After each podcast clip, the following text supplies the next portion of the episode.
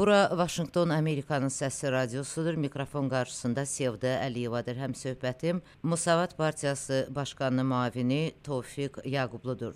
Tofiq bəy, Avropa səfərinizin məqsədi haqqında dinləyicilərimizə nə demək istərdiniz? Təşəkkür edirəm suala görə. Məni PIN təşkilatı var. O həbsxanadan çıxandan sonra bir reabilitasiya proqramı təklif eləmişdi mənə. Bu həbsxanadan çıxan kimi məndə bəzi problemlər oldu, tədbirlər vardı, onu yola salmağa çalışdıq və onlar mənə təklif elədi sentyabr ayının 1-dən 30-una Praqada, yəni Çexiyada bax həmin o reabilitasiya proqramı üzrə e, iştirak eləməyə. Ancaq e, mən Praqaya gəldikdə e, bizim e, Avropadakı digər dostlarımızla məsləhətləşdik və e, bu fürsətdən yararlanaraq e, bəzi görüşlər beynəlxalq təşkilatlarla görüşlər, o cümlədən də Avropa Şurasında görüşlər keçirməyi qərar aldıq və bunu həyata keçirdik. Paralel olaraq da bu diaspora nümayəndələri ilə birlikdə mühacirətdə olan, siyasi mühacirətdə olan e, bizim soydaşlarımızla bir qeyri-hökumət təşkilatı yaratdıq. E, adı da AND, Azərbaycan naminə demokratiya, ingilis variantı da Azərbaycan Needs Demokrasi və belə bir təşkilat yaratdıq. Avropa rəsmiləri ilə görüşlərinizdən aldığınız təəssüratlar haqqında bir qədər danışmaq istərdim. Azərbaycanda demokratik duruma münasibət necədir? Deməli, e, etiraf eləyək, Azərbaycan cəmiyyəti və müxalifəti haqlı olaraq Avropa Şurasına inanmır. Yəni bunun üçün Avropa Şurası kifayət qədər əsaslar veribdir. Avropa Şurasına ən çox inanan Azərbaycanda təbəqə hakimiyyətdir. Çünki indiyənə qədər Avropa Şurası onların e, istəklərinə daha çox əməl edib, nəinki e, qanunların, öhdəliklərin və vətəndaş cəmiyyətinin. Biz e, Avropa Şurasının e, konkret real gücü haqqında təsəvvürümüz var. Ancaq e, biz görürük ki, e, Məsələn, bu qurum Azərbaycan oraya daxil olduğundan bəri üzərinə götürdüyü öhdəliklərə nəzarət edilir, qanun pozuntularına göz yumur, adekvat reaksiya vermir və çox açınacaqlı bir vəziyyətdir ki, Azərbaycandakı vəziyyət, demokratiya, insan haqları məsələsi Azərbaycan Avropa Şurasına daxil olduqdan sonra daha kəskin şəkildə pisləşibdir. Çox absurd bir mənzərə yaranıbdır. Biz görüşlərdə də deyirdik ki, biz o vaxt çox sadə ölkəsinə inanırdıq ki, Azərbaycan Avropa Şurasına üzv olandan sonra böyük templə olmasa da yavaş-yavaş bu standartlara uyacaq, Avropa Şurası öhdəlikləri yerinə yetirməyə məcbur edəcək, dəvət edəcək və kiçik addımlarla da olsa biz durduğumuz yerdən irəli gedəcəyik. Çox təəssüf ki, bu müddət ərzində ə, Azərbaycan Avropa standartlarına yox, ə, Avropa Şurası Azərbaycan standartlarına uyğunlaşdı. Belə ə, konkret budur ki, məsələn, indiyənə qədər keçirilmiş tamamilə başdan ayağa saxta seçkilərə hamısına müsbət rəy verilibdir. İnsan haqlarının pozulmasına göz yumulubdur. Məsələn, heç axırıncı dəfə məsələn Ştrasselin siyasi məhbuslar siyasi təsdiq olunmadı və bu da İlham Əliyev hakimiyyətinə əlavə güc verdi ki, yeni repressiya dalğası başlatsın. Yəni məsələ aydındır. Bununla belə hər halda eyni zamanda ciddi bir beynəlxalq təşkilatdır və biz ə, e, həmin təşkilatda ə, e, insan haqları komissar Nils Mujneks-la görüşdük, Venesiya komissiyasına və digər rəsmilərlə yüksək sadəcə e, razılığa görə biz ad çəkmirik, demirik, ciddi görüşlər oldu, yəni buna görə. Və biz bütün həqiqəti çılpaqlıqla dedik.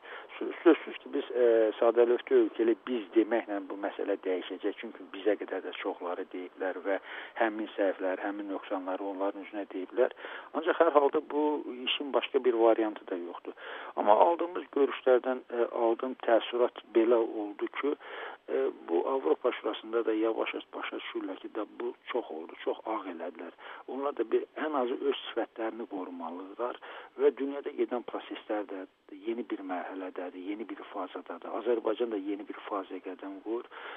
Düşünürəm ki, və yaxud umaram ki, bəlkə bundan sonra, yəni tək bizim səfərimizlə yox, bu dövrdən sonra və bundan əvvəl, bundan sonra olacaq ə, səfərlərdən, görüşlərdən sonra heç ümumiyyətlə Avropa Şurası strukturları bir qəti qənaətə gəl gələrlər ki, Azərbaycana münasibət prinsipial olmalıdır. Ə, biz onlara sübut elədik ki, Avropa Şuraları Şurası ölkələrinin siyasətində Azərbaycandan despotik, nə bilim, ə, ə, demokratiyadan uzaq, repressiv bir ölkə yoxdur. Hətta Belarus da bizdən artıq e, yaxşılaşıb, orada bir mülayimləşmə başlayıbdı. E, həbs olan siyasi məhbuslar azad olundu, seçkilər keçirilibdi. Artıq indi son məlumatla tanış olmamışam, artıq müxalifətdən e, xeyli adam parlamentə düşüb. Yəni e, heç kəs sübut edə bilər. Bax siz də özünüz fikirləşin. Avropa Şurasına daxil olmuş ölkələr arasında Azərbaycan kimi e, pis e, vəziyyətdə, yəni e, demokratiya ilə, insan haqlarına bağlı e, e, pis vəziyyətdə olan ikinci bir ölkə yoxdur.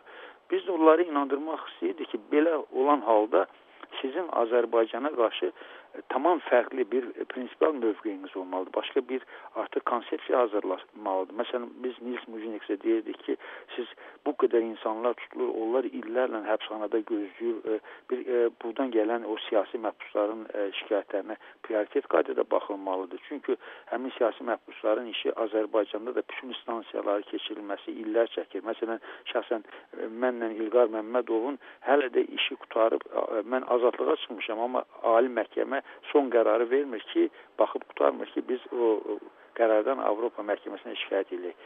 Nə qədər bu məsələni uzatdılar. E, ona görə bax bu məsələlər hamısını çatdırdıq. Görək də indi siyasət belədir. Söz deməlisən, arqument gətirməlisən, sübut eləməlisən. Biz də bunları yapdıq. E, düşünək ki, yaxşı olar. Tofiq bəy, siz öz ə, e, səhifənizdə yazıbsınız ki, bu görüşlərdən ə, e, müsbət nəticələr əldə olunacaq. Nə kimi nəticələr gözləyirsiniz? Hə, ə, ə, olunacaq yox, hə, orada ümidimi bildirmişdim.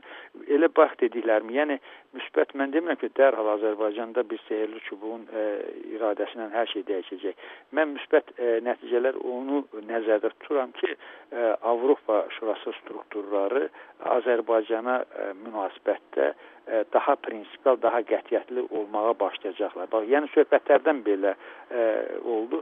E, qənaətə gəldim. Yeri gəlmişkən, yəni mənim bu diplomatlarla belə görüşlər ilk dəfə deyil. Yəni ə, məsələn hissə qapılıb deyim. Sadəcə o e, Cəmil müəllimdə kifayət qədər çoxlu görüşlər də olub. Hətta o görüşdən sonra da biz söhbət elədik ki, və düşündük ki, nəsə belə bir başqa çalarlar gördük. E, onlar da belə bıkmış kimi göründülər bizə.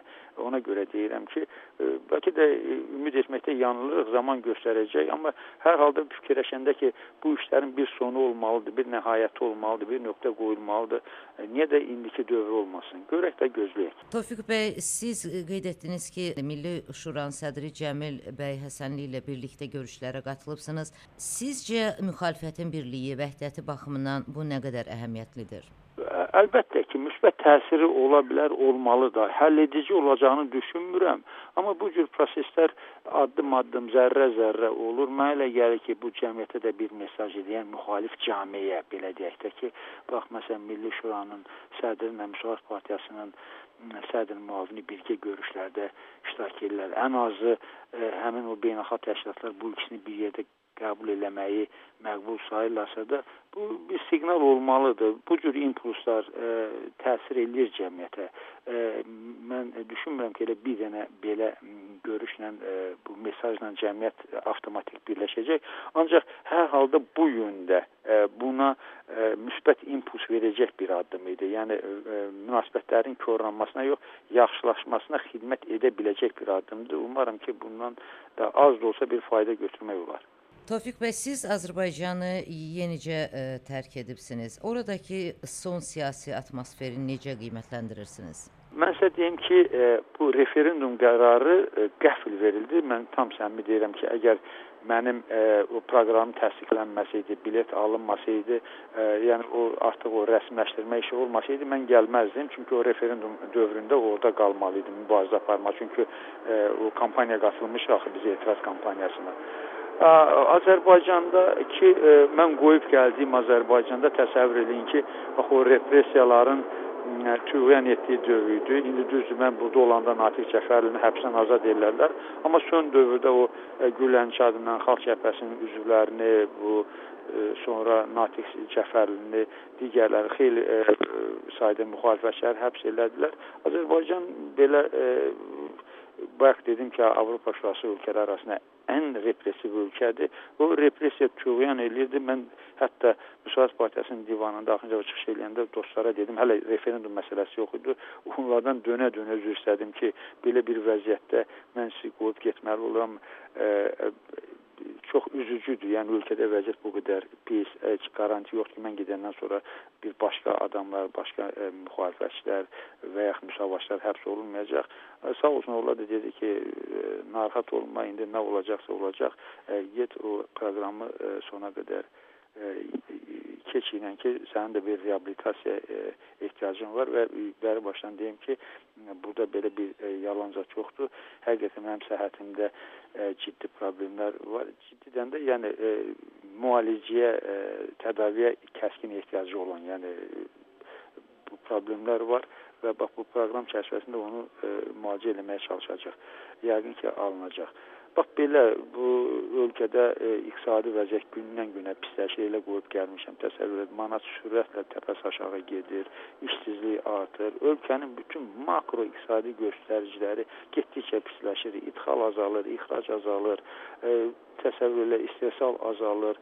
Ölkəyə turist gəlmir. Nə bilim bütün göstəricilər pisləşir ona görə ə, e, Azərbaycanın bugünkü günü çox bədbindir və nəzərə alanda ki, Azərbaycanın ə, e, idarə etməsinin başında başdan ayağa korrupsiyalaşmış, ancaq özünü cibni güdən, ə, e, eyni zamanda bacarıqsız, səriştəsiz ə, bir hakimiyyət durubdur ə, və belə bir çətin vəziyyətdən belə bir komanda ilə çıxma çıxılması çox müşkül görünür. E, və amma bunun bir o hər pisdə bir ziyan da var məsələsinə yanaşsaq, e, bir ümid verən məqam da ondan ibarətdir ki, nəhayət ki, e, xalq kütlələri ayağa qalxa bilər, haqqını tələb edə bilər. E, çünki bu acı bir reallıqdır ki, bizdə xalqın səbrinlə e, hakimiyyətin onlara münasibəti tərs mütənasibdir. Ona adekvat deyil. Amma hər halda bu e, Milli Şuranın keçirdiyi son mitinqdə göstərdi ki, e, deyəsən e, oyanış var və bu uzun fasilədən sonra keçirilən bu mitinqdə bu qədər gür, izdihamlı keçməsi göstərir ki, ümid eləməyə dəyər, daha möhkəm çalışıb işləmək lazım və növbəti mitinqlərdə bir artan dinamika nail olmaq lazımdır.